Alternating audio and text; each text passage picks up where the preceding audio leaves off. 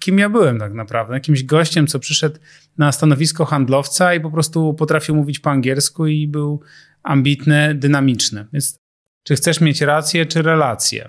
Nie jestem zwolennikiem takiego podejścia, że kochajmy się jak jedna wielka rodzina, bo firma to nie jest rodzina, myślę, że firma to jest raczej drużyna.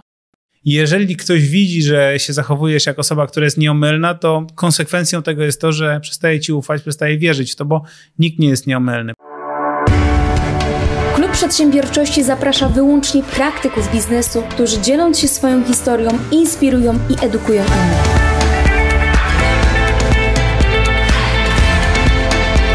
Od moich gości chcę dowiedzieć się, jakie działania, a także jaki sposób myślenia powoduje, że dotarli na sam szczyt w swojej dziedzinie. Nazywam się Olga Palka i zabieram Cię razem ze mną w świat biznesu, gdzie docieram do źródła ludzkiego sukcesu. Cześć widzowie i słuchacze, z tej strony Olga Palka, to nowy odcinek na naszym kanale, uwaga, nowym kanale Klubu, Klubu Przedsiębiorczości. Dzisiaj ze mną fantastyczny gość, niezależny strateg biznesu, właściciel firmy Albrecht Partners, która pomaga właścicielom firm w takim właśnie optymalizowaniu strategii biznesowych, w eksponowaniu talentów leadershipu, tak, przywództwa, jak również mentor, anioł biznesu, mówca, no i podcaster, czyli osoba, która bardzo dobrze dobrze umie posługiwać się tutaj mikrofonem i wiem, że będziesz się trzymał zasad, które tutaj u nas e, panują, żeby nas dobrze widzowie widzieli i słyszeli. Natomiast Greg, bardzo Ci dziękuję, że przyjąłeś zaproszenie. Dzięki Olga, bardzo mi miło, tak wspaniale mnie przedstawiłaś, że nigdy sam bym się tak kwieciście nie przedstawił. Dzięki Ci bardzo. To jak sobie już tak słodzimy słuchaj, teraz, to, to przede wszystkim jak oglądałam Ciebie tak w social mediach i na Twoich stronach internetowych um, i, i na Twoich podcastach, to taka myśl, właściwie takie stwierdzenie yy, przykleiło się do ciebie w mojej głowie, czyli taka mm, potęga zaczynania. Taka mhm. moc zaczynania, bo ty jesteś zaangażowany w wiele projektów i tak było od już lat kilkunastu. E, zawsze dużo się wokół ciebie działo i też byłeś zaangażowany w projekt taki jak Sandoz, czyli, czyli startup, który tutaj możemy też e, chwalić się nim na, na polskim rynku, na rynku europejskim. Natomiast zacząłeś bardzo młodo, pra, pracowałeś na etacie jako dziewiętnastolatek, um, zarabiałeś 800 zł na, na miesiąc, tak? tak? jest, dokładnie. Zgadza się, w firmie IT. Ja tak długo cię zapowiem, a potem już przejmiesz ty pałeczkę, jeżeli chodzi o wypowiedź. Mm, natomiast ty oczywiście bardzo szybko piąłeś się po tych szczeblach kariery, szybko też dostałeś władzę w postaci możliwości zwalniania i zatrudniania ludzi. To jest taki ważny skill, który, który osiągamy, jak jesteśmy e, pracodawcami. No ale chciałam Cię zapytać o pewną osobę, ponieważ w Twoich wywiadach przewinęła się osoba Twojego szefa, e, tego, że on Cię bardzo mocno inspirował, nawet go raz przyrównałeś do Steve'a Jobsa. I chciałam zapytać właśnie, bo dzisiaj też będziemy mówić o tym leadershipie, o przywództwie, o tym, jak delegować pewne rzeczy, oddawać odpowiedzialność. Dlaczego cię ten szef tak inspirował? Czym cię inspirował i też jakie cechy ty od niego takie dobre wziąłeś? Mhm. A, super pytanie.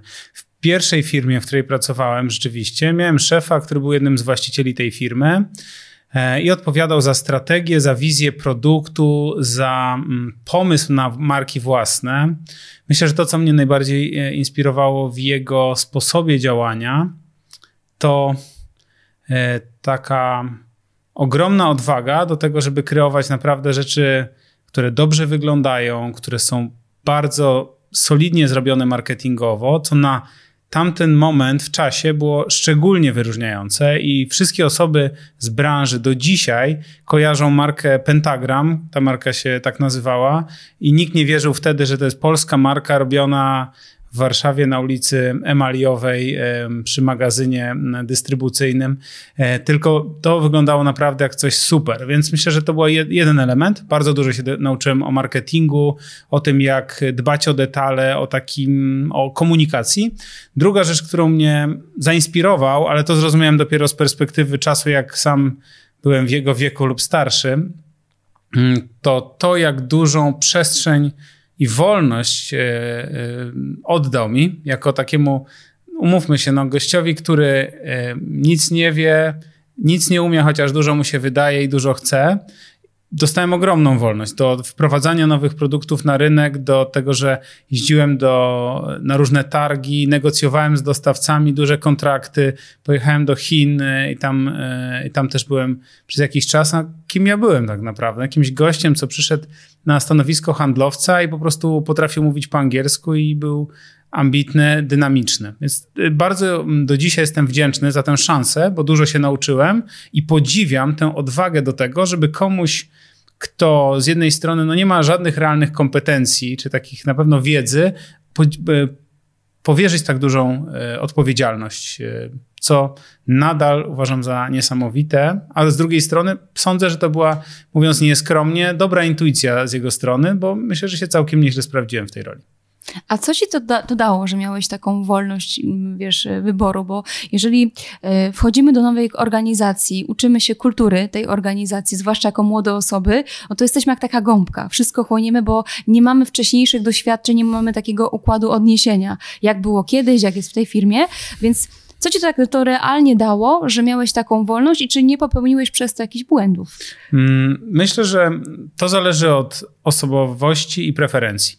Niektórzy ludzie dobrze się odnajdują w poukładanych strukturach, gdzie mogą dostać instrukcję i ją realizować, ale ja do tych osób nie należę. Dla mnie ważna jest wolność w ogóle w życiu, jest jedną z kluczowych dla mnie wartości, więc gdybym był tam uciśniony i miał tylko wykonywać procedury, to prawdopodobnie nie byłbym zainteresowany, żeby to robić. Także dla, ja się nie boję wyzwań, tylko uwielbiam robić rzeczy na nowo, tak jak powiedziałaś, zaczynać, startować, budować i, i to dało mi taką możliwość do ekspresji swojego własnego talentu, ale też u, uczenia się codziennie nowych rzeczy, poszerzania perspektyw i ta wolność dała mi paliwo do tego, żeby czuć, że naprawdę kreuję coś po swojemu, równocześnie będąc u kogoś. To było to, co naprawdę do dzisiaj wspominam.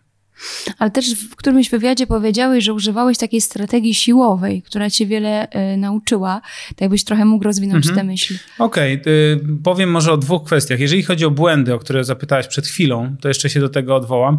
No to zrobiłem jeden błąd, do którego mogę się przyznać, za który w zasadzie może nie zostałem zwolniony, ale na pewno miałem ogromnego minusa, a mianowicie mieliśmy problem z jedną partią towaru, którą zamówiłem ten towar był powiedzmy wadliwy. Wtedy to się dość często zdarzało, jak się importowało sprzęt z Chin i akurat to nie do końca była moja odpowiedzialność jakość tego towaru, natomiast na pewno to, co zrobiłem, czyli że wysłałem ten towar bez żadnych dokumentów do centrum serwisowego do Czech, pamiętam, a to był towar wart 150 tysięcy dolarów, no to jak moi szefowie się zorientowali, jak mój poziom zaufania, no, ufności i naiwności tutaj jaką ekspresję znalazł, no to niewątpliwie za to mm, dostałem reprymendę i w jakiejś perspektywie się czegoś nauczyłem. Jeżeli chodzi o tę metodę zarządzania siłowego, to nie była ta firma. Później mm, dalej pracowałem w branży IT i taką moją ostatnią e, pracą na etacie było bycie szefem marketingu w firmie Asus, takiej od laptopów. To był 2006 rok, kawał czasu temu. I tam e, zostałem szefem tego działu marketingu, odpowiedziałem za PR, komunikację, miałem osoby w zespole. Mm, i jestem osobą, która jest bardzo skupiona na rezultatach. To na pewno jest dobre i złe zarazem, bo czasem trudno mi jest się skupić na relacji. I wtedy w ogóle nie miałem pojęcia o skupieniu na relacji. Byłem skupiony na dowożeniu tematów. Dostałem zadanie i uważałem, że jak złapałem tę kość w zęby, no to muszę ją po prostu zanieść do tego punktu i zakopać. I nic innego mnie nie interesowało. W związku z tym myślę, że nie odznaczałem się dużą wrażliwością e, na potrzeby, różnorodność, i perspektywy innych osób, zarówno w moim zespole, jak i w ogóle w zespole tej firmy naówczas, który był bardzo mały, bo myśmy tak naprawdę byli pierwszymi pracownikami tej firmy w Polsce, było chyba 8 osób w biurze, także to nie była jakaś, to była wielka korporacja globalnie, 10-15 tysięcy osób, ale lokalnie było kilka osób. No i ja z tymi osobami nie zbudowałem zbyt dobrych relacji, chyba głównie dlatego, że byłem po prostu tak bardzo skupiony na pracy, na zadaniach, że byłem raczej postrzegany jako taki człowiek robotyczny, który mm, to było trudne w ogóle dla ludzi do zrozumienia, że nie bardzo mnie interesowało, nie wiem, plotkowanie, gadanie przy kawie, yy, uzasadnienia, usprawiedliwienia, to, że ktoś czegoś nie może zrobić, tylko uważałem, że albo dowozimy, albo nie dowozimy. Nadal to myślenie jest mi bliskie, natomiast inaczej bym dzisiaj na pewno się komunikował z ludźmi, bo to raczej spowodowało, ta moja ostrość taka i taka robotyczność spowodowała, że nie miałem zbyt wielu sprzymierzeńców w tym zespole i przez to nie czułem się komfortowo, a także tak z praktycznego punktu widzenia y, moje, mój autorytet i skuteczność spadała przez to, że nie kupowałem sobie tych ludzi, mówiąc tak brutalnie, tylko bardziej byłem po prostu właśnie, jak to ładnie powiedziałeś, tak, takim menadżerem zarządzającym siłowo, mm, co się ogólnie nie opłaca. Właśnie wyprzedziłeś już moje pytanie, bo chciałam zapytać, czy nie tyle, że byłeś lubiany, bo to chyba się łatwo dowiedzieć, domyśleć, że, że chyba nie bardzo, przynajmniej przez niektóre osoby, ale właśnie o szacunek, bo e, ten autorytet e, paradoksalnie e, spada w momencie, kiedy chcemy coś komuś udowodnić, kiedy pokazujemy, że my, to, my jesteśmy mądrzejsi, to w takim układzie idąc dalej, jak z tym walczyłeś? Czy faktycznie zmieniłeś tą swoją postawę w stosunku do ludzi? Bo powiedziałeś przed chwileczką, mm. że dalej masz takie tendencje, żeby używać tego typu metod. Mm. Na pewno, mm, okej. Okay. Po pierwsze, ostatnio słyszałem takie powiedzenie, które bardzo mi się podoba i ono się e, adresuje to, co powiedziałeś, czyli czy chcesz mieć rację, czy relację. Myślę, że to jest e, czasem dobrze, żeby zadać sobie to pytanie, czy chcesz mieć rację, czy relację. Mnie się wydaje, że chciałem mieć rację w znaczeniu dostarczenia pewnych obiektywnych e, rezultatów, ale czasem lepiej mieć relację i dostarczyć 80%, żeby potem dostarczyć po raz kolejny 80%, a nie raz wycisnąć z kogoś 100%, żeby już nigdy nie chciał z tobą rozmawiać. Więc to, że tak e, tytułem wstępu a propos tego, czy mieć rację, czy relację. Jeżeli chodzi o to, jak dzisiaj działam, co było po drodze, było dla mnie dość trudne doświadczenie w ogóle ta praca w tym miejscu. Ona też mi pokazała, że mimo to, że osiągałem te cele, to jakby niewiele to zmieniało w kontekście docenienia, zauważenia, więc także zauważyłem, że zrealizowałem cele i jakby świat się nie stał lepszym miejscem przez to, ani moje życie jakoś super e, lepsze, więc to był dla mnie taki ważny moment. I później E, przez kolejne lata nadal myślę, że nie byłem jakimś świetnym menadżerem, bo refleksja nad tym dotarła do mnie dopiero po tym, jak już przeszedłem przez proces coachingu i zacząłem samemu naprawdę świadomie patrzeć na to, jak działam. Później prowadziłem swój biznes, także myślę, że nie byłem świetnym szefem, znaczy byłem wymagający, impulsywny, myślę, i mm, i nie zawsze patrzyłem też na tę ludzką stronę. Łatwiej mi się pracowało z ludźmi, którzy mieli taki charakter technokratyczny, dowozimy tematy, działamy. I nadal uważam, że jakby jesteśmy w pracy, jesteśmy po to, żeby dostarczać rzeczy, żeby realizować nasze cele. Nie jestem zwolennikiem takiego podejścia, że kochajmy się jak jedna wielka rodzina, bo firma to nie jest rodzina, myślę, że firma to jest raczej drużyna. Czyli jeżeli ktoś w drużynie jest i gramy w tej jedenastce, zwyciężamy, to zwyciężamy. Jeżeli ktoś nie dowozi, to tę osobę w tej jedenastce zmieniamy. To nie jest rodzina, tylko drużyna, w której darzymy się szacunkiem, wspieramy, lubimy, ale wiemy, że mamy konkretny cel, gramy do tej bramki i musimy do tej bramki trafić. I nadal tak uważam, natomiast to nie zmienia faktu, że można być trenerem najlepszej drużyny i równocześnie być człowiekiem zarazem i myślę, że tego elementu gdzieś tam mi brakowało w ekspresji, bo też y, sądzę, że tak patrząc psychologicznie na to, że to było związane z tym, że z natury jestem bardzo wrażliwym człowiekiem i chyba starałem się jakoś bronić przed tą swoją wrażliwością poprzez przyjmowanie takiej postawy mm, dość y, takiej brutalnej. Ma maski trochę? Takie nakładanie trochę maski też? Nieświadome, może takie mm, nieświadome nakładanie maski albo tworzenie takiej bariery, żeby te emocje jakby nie wybrzmiewały. Nie? Czyli ale to może łatwiej jest zawsze określić to myśląc y, o tym, patrząc na to wstecz. Wtedy nie miałem takich refleksji. To był jakiś automat. Po prostu czułem też, że moja motywacja była taka, że y, przez wiele lat, że prowadziłem biznes czy, czy, czy działałem w karierze, bo to było podświadomie takie poczucie, że to jest taka walka o przetrwanie. Ja wiem, że to brzmi komicznie, patrząc na to, że żyjemy w czasach, gdzie raczej w naszym kraju niewiele osób, są osoby, które mają problemy, poważne problemy ekonomiczne, ale większość z nas nie głoduje i raczej wszyscy przeżywamy. A ja miałem takie poczucie, jakbym tutaj walczył o przetrwanie i myślę, że te instynkty, które mną kierowały wtedy, że czułem, że po prostu to jest walka, myślałem, że utonę, jak nie będę realizował swoich celów, te lęki powodowały, że po prostu przyjmowałem taką agresywną e, metodologię działania, jak jakieś głodne zwierzę, które po prostu próbuje coś upolować. Nie? Mhm. Skończyłeś y, coaching i, i też tutaj można powiedzieć, to jest dwie różne dziedziny, ale psychologia biznesu, pracujesz właśnie z ludźmi. Czy też do tego, co powiedziałeś, nie uważasz, że wiele osób stosuje taki autorytarny y, właśnie podejście do, do swoich pracowników tylko dlatego, że są niedowartościowani i nie mają dużej pewności siebie i poczucia własnej wartości? Trudno mi jest to tak generalizować, więc wolałbym tego nie etykietować w ten sposób, bo sądzę, że każdy ma swoją historię, która stoi za tym, że, że nie stosuje właściwych metod zarządzania. I powodów może być wiele. Od tego, że nie mamy dobrego wzorca. Też nie miałem jakiegoś świetnego wzorca, myślę. E, I dopiero te wzorce nabywałem, ale bardziej obserwując, czytając książki, poznając ludzi. Teraz mam ogromne szczęście pracować ze wspaniałymi top menadżerami i uczę się od nich e, często pewnie więcej niż, niż oni ode mnie. Natomiast wtedy nie miałem wzorca. Czasem nie miałem wzorca, więc no powtarzamy to, co widzieliśmy. Jak miałem, e, trenowałem jako dziecko, miałem trenera, który był wymagający, to myślałem, że to jest dobra metoda trenowania ludzi w biznesie. Nie wiedziałem, jak to robić, więc myślę, że to jest jedna rzecz. Druga kwestia to jest to, że rzeczywiście, kiedy brakuje nam czasem takiego poczucia własnej wartości, tego, że wiemy, co robimy, a, a, każdy przedsiębiorca ma czasem ten syndrom oszusta, czyli tę obawę, czy ja tak naprawdę to się znam na tym, co robię, czy tylko tak przychodzę do podcastu i gadam. To każdy ma takie wątpliwości momentami.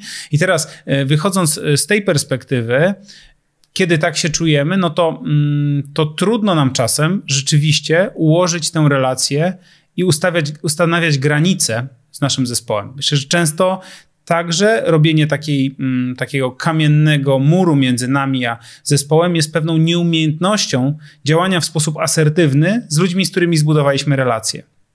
Nie jest to łatwe, czyli powiedzmy, że pracujemy, e, Olga, w, w, jednym zespole, bardzo się polubiliśmy, nie wiem, poszliśmy na imprezę i się zakumplowaliśmy. I teraz ja, jako twój szef, muszę umieć postawić granice tak, żeby obie strony wiedziały, że nadal jesteśmy w relacji profesjonalnej, a nie, że nagle ty będziesz mi mówić, ty Grek, ty idioto, coś tam, tak? I jakby, że przesuwają się pewne granice, które potem są oparte na zupełnie innym systemie działania niż to, że mamy pewną umowę społeczną, którą zawieramy, y, realizując wspólny kontrakt. Możemy się lubić, lubię cię, szanuję, podziwiam, interesują mnie, interesujesz mnie jako osoba, ale mamy pewne zasady, na których e, realizujemy nasze umowy jako pracodawca, pracownik i ta asertywność w sytuacji, kiedy jest relacja, nie jest rzeczą prostą. Myślę, że dla nikogo, tak? W życiu prywatnym mamy trudności, żeby powiedzieć naszym bliskim, rodzicom pewne rzeczy, kiedy one, kiedy mamy tę więź i jakby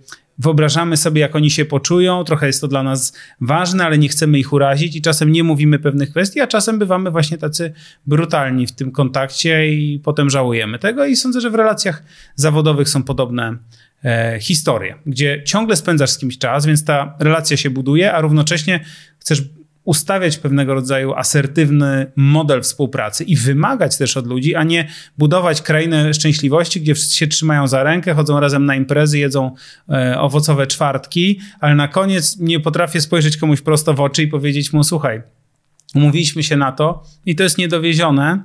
Jaki masz e, pomysł, żeby wyjść z tej sytuacji? O. Mm, po czym poznać, jakim się jest liderem?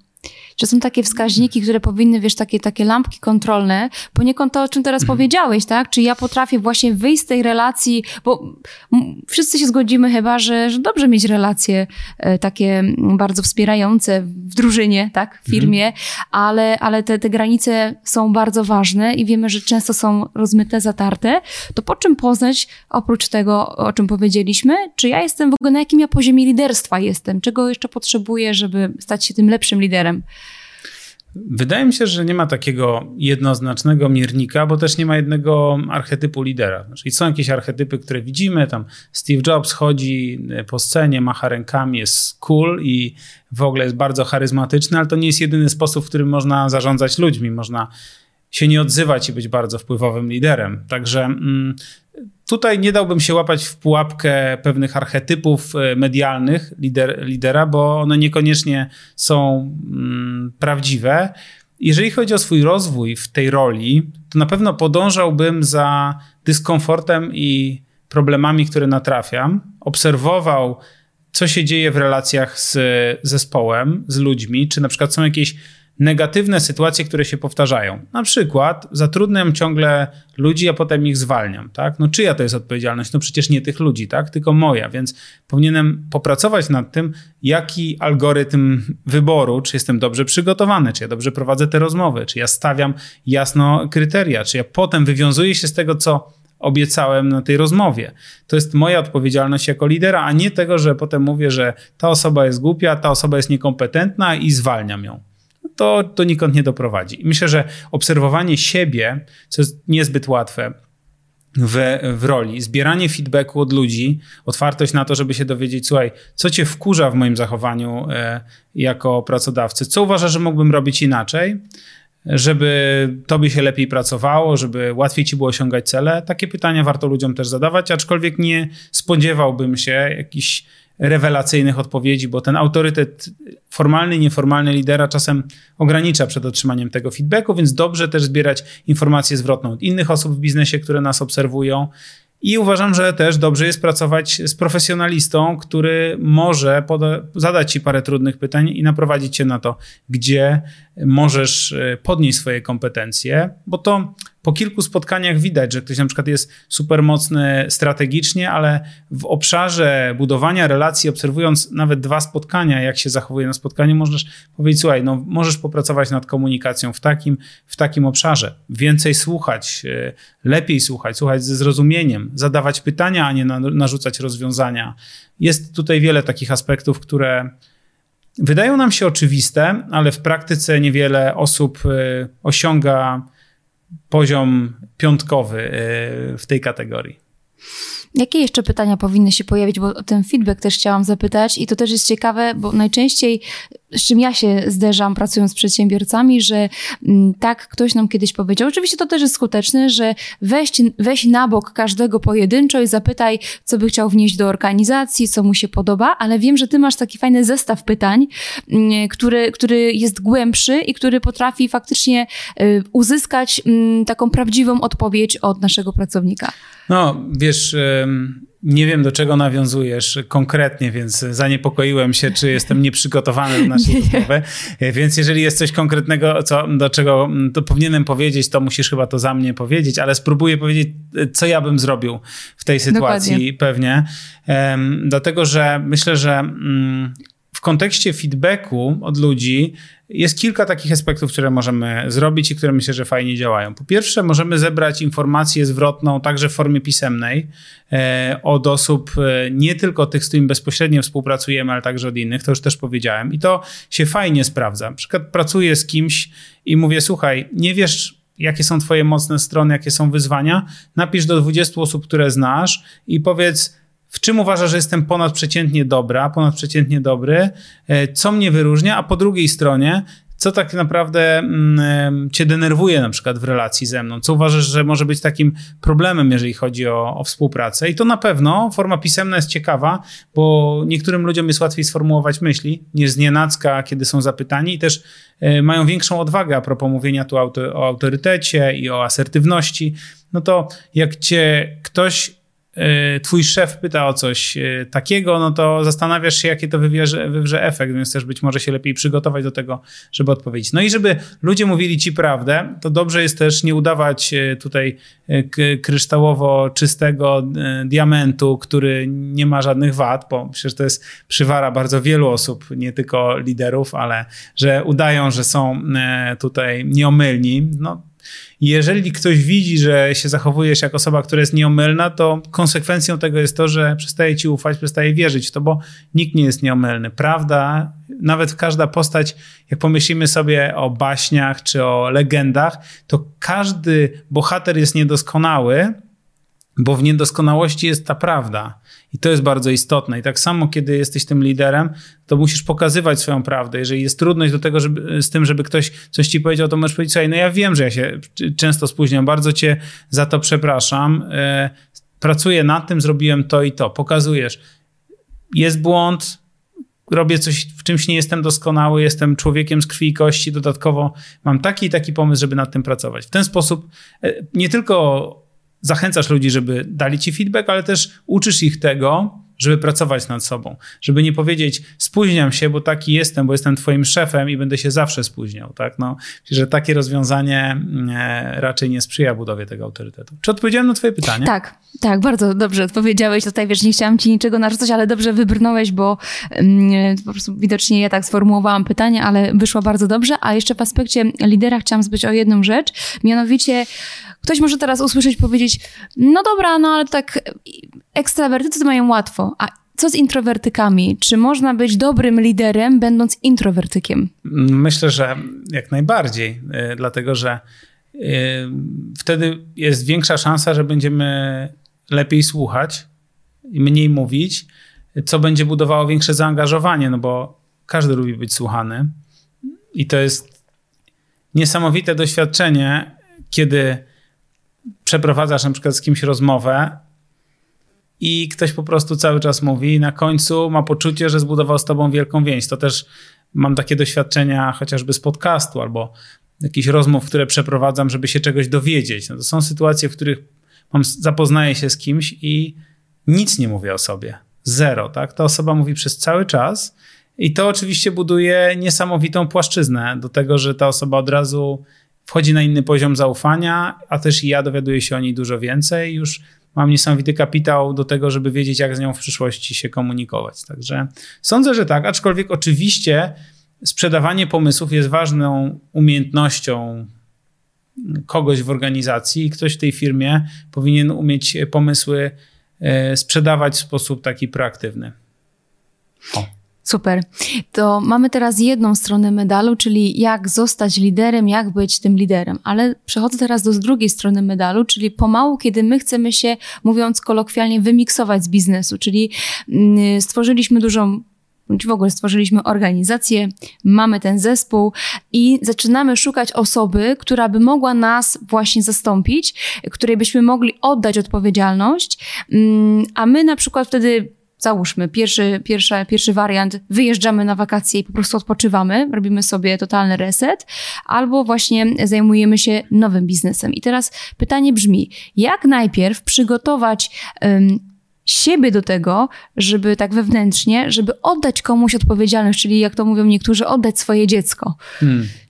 No, bardzo złożony temat i też kilka aspektów jest, e, które się z tym wiążą. Jeżeli chodzi o pierwszy etap, to jest taki, że dobrze znaleźć odpowiedź na pytanie, czy rzeczywiście e, mam alternatywę i będę wiedział, co, co robić, kiedy nie będę prowadzić tej firmy. Bo e, rozwiązywanie problemów w biznesie to jest takie samo uzależnienie jak wiele innych uzależnień. Są zastrzyki adrenaliny, różne emocje, czujesz się potrzebna, jest to coś, czego, gdzie, gdzie czujesz, że się realizujesz. Jest wiele niesamowitych emocji, które są trudne do odzorowania, kiedy siedzisz w kapciach i pijesz piwo przed telewizorem. To, to nie jest to samo.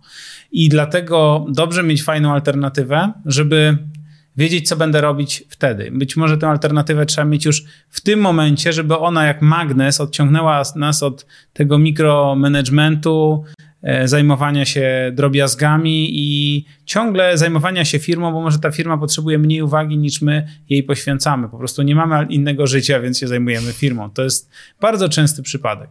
Czyli to, to jest pierwszy etap, który, który bym pewnie yy, pokazał.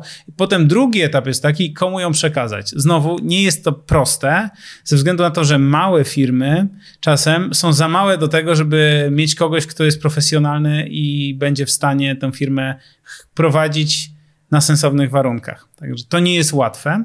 Można firmę sprzedać, można firmę zamknąć, albo można próbować szukać e, menadżera, który będzie nią zarządzał. Nie jest to natomiast łatwe, kiedy firma jest mała, ze względu na to, że kompetentny i skuteczny menadżer, któremu zależy, także musi mieć odpowiedni poziom motywacji co kosztuje pieniądze, czas i zaangażowanie, i ktoś decyduje: hej, ja przez najbliższe 5 lat będę prowadził firmę tego gościa, a nie na przykład y, mnóstwo innych, innych rzeczy, gdzie mam alternatywę, bo jestem top menadżerem i chcę to robić. Czyli warto się zastanowić, jaka jest propozycja wartości dla tej osoby, która tę firmę ma przejąć i co możemy zaoferować. Czy to są udziały, czy to jest udział w wyniku. Jeżeli mamy taką osobę na pokładzie, to jest super, bo ona już zna kulturę, e, ma jakieś kompetencje od wewnątrz, więc jeżeli możemy dołożyć jej trochę więcej, dać jej pewne przestrzenie do zagospodarowania, to jesteśmy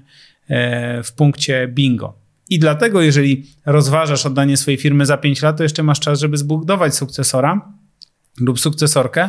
Jeżeli dzisiaj się budzisz i masz e, trzy osoby, które zajmują się, nie wiem, administracją w twojej firmie, a szukasz kogoś, kto będzie zarządzał sprzedażą, finansami, marketingiem i produkcją, no to może to być bardzo trudne.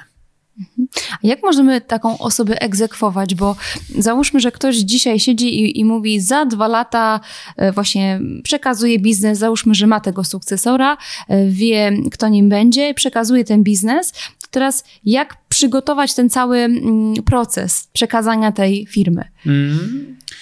Rozpocząć ten proces dużo wcześniej mm, i stopniowo włączać tę osobę w konkretne obszary i sprawdzać, jak się sprawdza w różnych obszarach prowadzenia biznesu, bo ten biznes się składa z bardzo wielu segmentów. Musimy zobaczyć, czy ta osoba potrafi z roli eksperta przejść do roli menadżera całego obszaru, patrzeć bardziej holistycznie na problemy znaczy myślę, że to jest taka metoda prób i błędów, gdzie oddajemy po kawałku e, te zadania. Elementem oczywiście jest też ten system motywacyjny, który można wypra wypracować, ale sądzę, że to jest drugorzędne wobec tego, żeby wybrać naprawdę osobę, która ma te kompetencje e, i poznać jej motywację do tego, żeby to robić, bo może ciebie motywuje dzisiaj e, do prowadzenia biznesu to, że możesz uczyć się zadawać coraz lepsze pytania i zadajesz świetne pytania i ciebie to bawi, a może ktoś by przyszedł na twoje miejsce prowadzić te rozmowy i jego by motywowało to, że ma parcie na szkło i tą twarzą może wytapetować cały świat.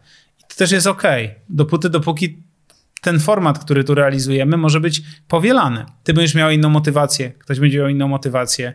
Ważne, żeby na poziomie wartości móc się przeciąć i żeby kontynuować e, ten proces. To także wymaga od właściciela firmy obecnego dojrzałości do tego, że ta firma, jak będzie prowadzona przez, nie przez ciebie, tylko przez twojego sukcesora, będzie prowadzona inaczej.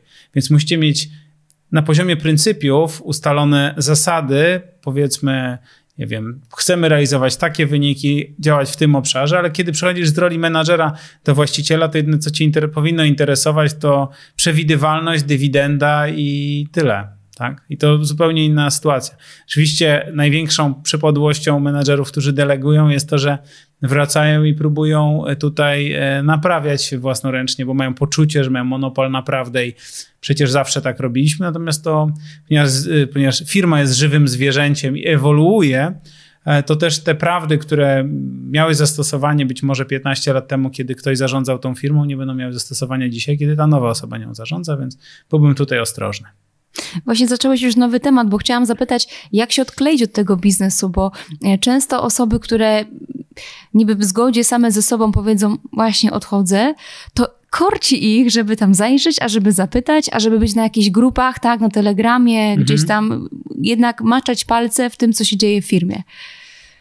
Hmm, to jest trudne pytanie, na które y, nie jest łatwo odpowiedzieć jednoznacznie, dlatego że mogę powiedzieć e, tak dobrze, żeby być gdzieś obok i móc wspierać, natomiast e, trzeba zredefiniować swoją rolę i jasno tej roli się trzymać.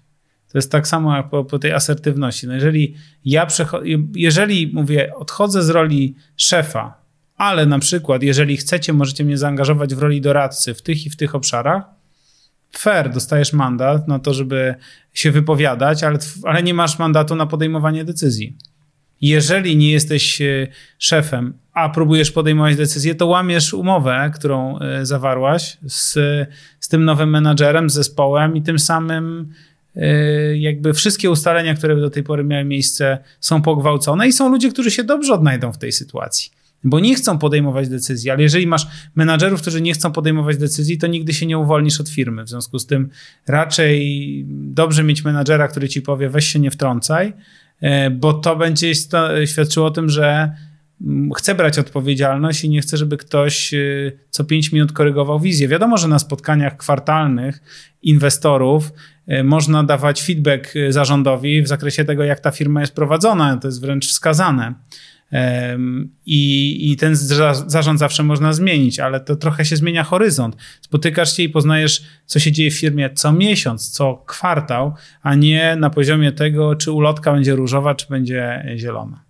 Też tak bardzo ładnie porównałeś to do wypuszczenia latawca, mhm. że stopniowo, że latawca nie puszczamy od razu i on się nie wznosi, tylko on musi być stopniowo właśnie um, rozwijany, ten sznurek, tak, żeby, żeby mógł um, się wznosić coraz wyżej. Mhm. Um, ale też jakby tutaj nie można za szybko się odciąć od biznesu, prawda? Bo mamy taką tendencję, bo o, o co pytam, czy dobrym krokiem jest to, że nagle ktoś się wypisuje ze wszystkich grup po prostu już z dnia na dzień? Jak ma zaufanie do osoby, która to prowadzi, to tak. Tylko to jest kwestia tego, kto to przejmuje. To według mnie to jest kwestia zaufania. Mhm. Myślę, że to jest wspaniałe rozwiązanie, tylko bardzo rzadko w praktyce e, ono może dać poczucie bezpieczeństwa. Ale jeżeli możemy powiedzieć tak, jest zespół zarządzający, ten zespół zarządzający o tym wie, jaka jest jego rola, cała organizacja jest, została jasno poinformowana o tym, jaka jest zmiana ról i mamy poczucie, że ten zespół może funkcjonować, no to wtedy możemy się wypisać z dnia na dzień.